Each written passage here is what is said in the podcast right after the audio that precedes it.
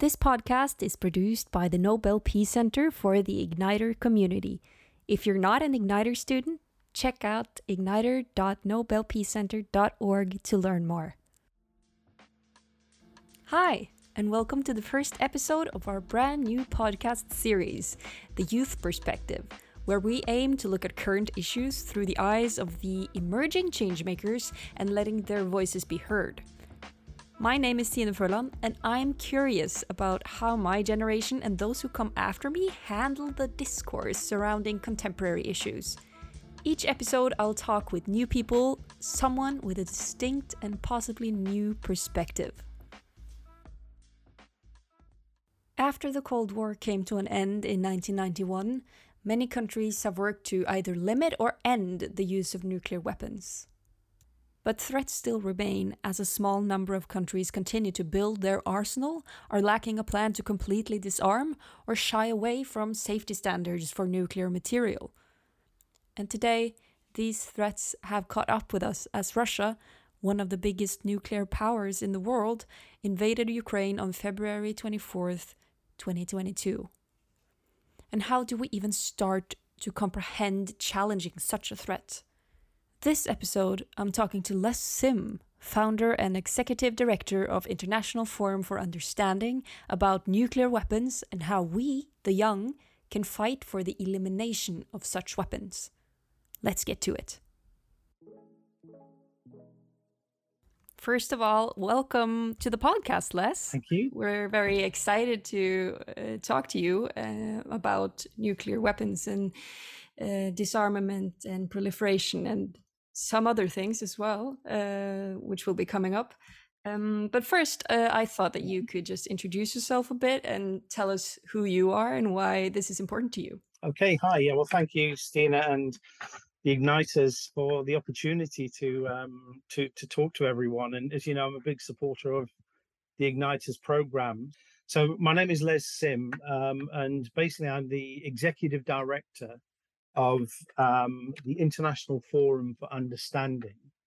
Um, and the key premise on the International Forum for Understanding is that word understanding. It's not about giving answers, it's about actually opening the debate as widely as possible um, to allow people to look and make their own assessments, their own research, and come to an understanding on big topics on everything from sustainable develop, development um, nuclear weapons. We work on gender, um, gender violence, and gender-based issues, um, and we also work on human trafficking and modern-day slavery. Um, so, quite all quite big topics and all very, very challenging, um, necessary, very challenging indeed. I think that um, uh, focusing in on uh, the nuclear aspect of what you do uh, would be good. Mhm. Yeah, to hear about that. Yeah. Well, the, the reason I'm particularly interested is um, I spent uh, 30 years in the British Army and went through the ranks. Um, during that period, I in, in the run up, I was in the British Embassy in Israel, and, and arrived the day that the air war started on the first Gulf uh, on the first Gulf War. And less than four hours after I arrived, the first Scud, Scud missile landed in Tel Aviv. Um, and prior to going there, I'd been trained as a nuclear, biological, and chemical warfare Hmm. instructor on how to counter the effects of those things. And what, what it did was one, it, it made me realize that nuclear, biological, and chemical weapons, no matter which way you look at it, are Yeah. not a good idea. They're not a good idea. Um, and we shouldn't really, I know that, you know, they exist and that's a fact, but should they continue to exist is another fact. And I also think that when we talk about these weapons, and in my opinion, uh, and I can say that because I'm not the expert, and maybe especially nuclear weapons, Mhm. it's the mushroom cloud, it's uh, the fire, and there are other more long lasting effects, especially with the environment. Well, it, it, it is. And, you know, you, you made a, a key point there as well when you said, I'm not the expert. And I, I don't pretend to be an expert. And there are people who are experts, but you don't need to be an expert to do something. And that's the whole bit about the understanding. And if we look at the nuclear testing site in Semipalatinsk, for instance, in Kazakhstan, the, the Kazakhs do a lot on nuclear non-proliferation and disarmament. Um, you know, when when they left the Soviet Union, um, Kazakhstan itself would have been the fourth biggest nuclear power, but they Yeah. handed the, the the the nukes back, as we know, as did Ukraine, backed by Britain, America, and Russia, who said they would protect those territories. Now, obviously, we've seen in the recent No, it didn't. Ukraine that that really didn't work. Um, but Semipalatinsk, there was 456 nuclear tests carried out below ground, surface, and above surface. And, and I've actually physically been to ground zero in an area called the Polygon Yeah. where they test these, and they still have the radiation tests, um, despite the fact it was closed down in '91. Because I, what I find interesting about uh, nuclear war and politics is really that nuclear weapons has a way of kind of disappearing, and the politics Yeah. around it. Because you have the Mhm. Cold War, and then after that, I feel like there was a decline. And for my generation, are for the first time Yes. experiencing living under uh, that kind of threat threat. Because how do we kind of keep it going if if the if the threat were to go away right now and everyone was like no no it's not an issue uh, and then keeping up that interest to actually do something about it?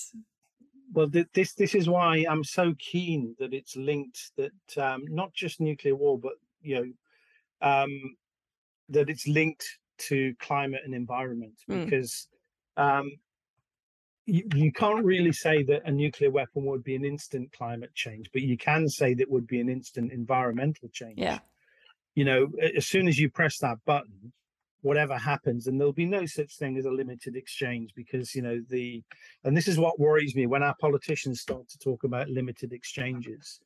And, and bear in mind what I've found when I've questioned politicians, they know absolutely nothing about nuclear weapons. absolutely nothing. Mm. Um, yet they're willing to make these abstract decisions that would affect all our lives. So I think if, and, and I also thought it was a way because, yeah, I admire the way, um, particularly this generation, has latched on to climate change and, and getting things done. yeah So I think if we accept that nuclear, biological, and chemical weapons have an impact on environment and climate and link the two and don't allow our politicians to de-link that Mm. argument yeah because it's okay if we're doing this much to save certain areas of the globe yet at the min- what the same time we have nine powers that are able to eliminate all that work by the press of one button Mm. um, and and also the expenditure that we need for the SDGs. I mean, the, the last estimate I saw, UK is spending about eight thousand pounds per minute on nuclear weapons. yeah Um, globally, you know, it's I think it's somewhere in the region of seventy three billion per year, or, and upwards per year. Um, my own government increased the stockpile by forty percent two years ago without it even batting an eyelid in the newspapers. Mm. So I think what we need to do is say, look, where could we be better spending this money? yeah And and and but I think that key is to link it to climate and the environment and start to talk about it in context of the SDGs and where that money would be better spent.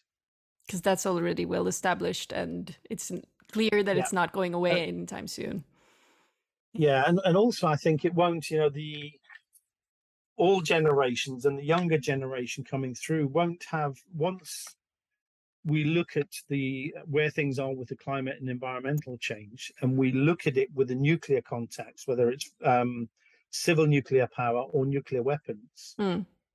we can then situate the whole thing um, so it'll give people a, a natural bridge into learning from where they you know in an area where you already understand such as climate Yeah. change it would help the understanding in in the nuclear arena as well Yeah, and it may be maybe it would also wouldn't feel like that big of a burden because then you're not carrying two burdens. You're not afraid of war and climate change. You can combine the two and fight for both at the same time. That's it. Kind of. that's it and you know the, Hmm. the only the one thing we can't claim back is our time you know every Yeah. every second we live on the earth is precious and and once that Mm. second is gone we can't claim it back the same with our activity So if Mm. you're doing what I call concurrent activity, you're working on the two at once and understanding. And that once again with the sustainable development goals, it look at it looks at all of the different pictures, you know, the um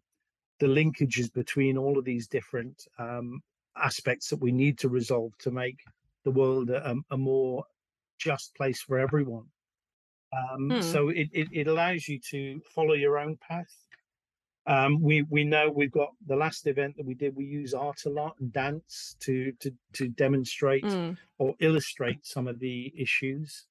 Um, so wherever your interest is, it allows you, and that's the key thing. Find your enthusiasm for it, and that will help with the anxiety as well. To think, you know, I can do something. I actually love the idea of uh, finding your enthusiasm Yeah. The enthusiasm doesn't have to be that you're going to be an activist, No. but maybe maybe you just try to understand a bit more about how how it works or how the system works or how the politics surrounding it works. Yeah. Um, and I think that is that's a great view to have on it that you can find an enthusiasm in this even if you're not an activist because and it everyone's not going to be that well, this is, and it goes back to what you actually said, which is key at the beginning about um, I'm not an expert. I'm not an expert. You can't be an expert in everything, but you're no an expert in what you do yourself. Mm, and and I think that is once again with the the understanding element. You yeah don't have to have answers to to take to take an interest in something. They may come, they may not come, but at least um, the ability to take part and to start to understand a subject. Actually, it's okay to disagree. yeah It's okay to disagree. You know, if you disagree with a point, um, but even if you disagree, well, you know, we agree that X needs to happen. You want to go that way. I want to go that way. Mm, Will it change that particular X? Will it move it forward? Yes, it will. Well, okay, let's do it. yeah It's that sort of approach, and and and I think once again, can, dare I say it, it's a type of thinking that that you in, in the questions, but also some of your observations, yeah um, your generation typifies, which is why I think we can move things rapidly, Hmm. more rapidly than in the past, perhaps. i hope so Yeah, and i think yeah, a lot of people in my generation hope so and yeah. i've been doing research on this for a while now kind of hmm understanding it and kind of figure out what questions i wanted to ask uh, and through that I found out that I had to do like small parts at a time because I couldn't sit like for two Yeah, hours and look at videos of nuclear weapons uh, and read about destruction. And uh, it just gave, I just felt very sad. When I got here now and we're talking about it, it just, it just feels much better. Yeah, I think that's that's once again, you know, you you know, I couldn't agree more that um that sense of hopelessness. If if you just look at it, and you know, there's some really good. The one thing I will say, there's some really good infographics and things like that on YouTube, which are great. Yeah. But if you look at the infographics on their own, it can scare the living daylights out of you. Whereas if you sit down and talk to someone and, and inject a bit of humor into things as Mm. well, because which you can do in a conversation, yeah. you can lighten things up. Whereas when you're looking that, you know, it's like Alison through, you know, going down that dark tunnel and not being able to turn around because it's so narrow at the bottom. Very. Um, but but I think once again, um, it it needn't be a dark subject. You know, it can be something that we need to do something about, and and that goes again speaks to looking at the obstacle and then Yeah. finding the way around it, because the obstacle isn't where you want to be. Nuclear, biological, and even I doubt you'd find any politician that would say, actually, if you said, "Do you think they're a good idea?" Full stop.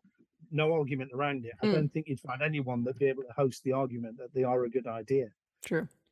Yeah, but when you start to talk about deterrence and strategic balances and all this stuff, then they can play the argument. Yeah. Um, but the basic principle that they're not a good idea and they're not good for, for humanity, I don't think anyone disagrees with. No. So the whole aim of it is is to to lower the threat from these weapons and hopefully remove them all at once. Hmm. Um, and once again, anything you can do to do that might only be a small thing. And and I would say as well that um, it does make you feel better if you think something and then do something. It it takes Mm. you out of that. It takes you out of your own mind space, if you know what I mean. Yeah. Um, it, it's that little practical step that you can that you can you know that, that takes you out of that dark hole, if you like. Absolutely. Yeah, yeah. And I think that is all the time that we have. Because uh, I think we could have sat here and talked about this for quite a while longer. It's a huge subject, but I hope that we have covered the the Well, basics. I- I certainly enjoyed talking to you, and, and I hope the Likewise. whoever watches this has has has um, looked at it and goes away with the fact that one, understanding in their own way is great. Two, doing anything small, even if it's mentioning something to somebody else that Mm. allows them to do something, is is good. And I deliberately have kept away. It shows that you can talk about these subjects without having to talk about the number of weapons and the dark, you know, all of the different facts and figures that lie out there yeah. you can talk in it in a general way and then people develop their interest and and i would say find your enthusiasm Mm. for for whatever the subject is find the enthusiasm Now that we're at the end of the episode, I just wanted to thank Les for doing this and sharing his insights. And if you want to learn more about his work, you can check out ifound.global. That's I F O U N D dot global. There you can learn more about International Forum for Understanding.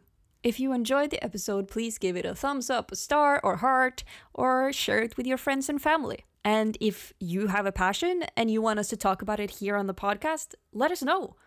You can do this from within the Igniter community at igniter.nobelpeacecenter.org, where you can join a podcast group and then send us your suggestion.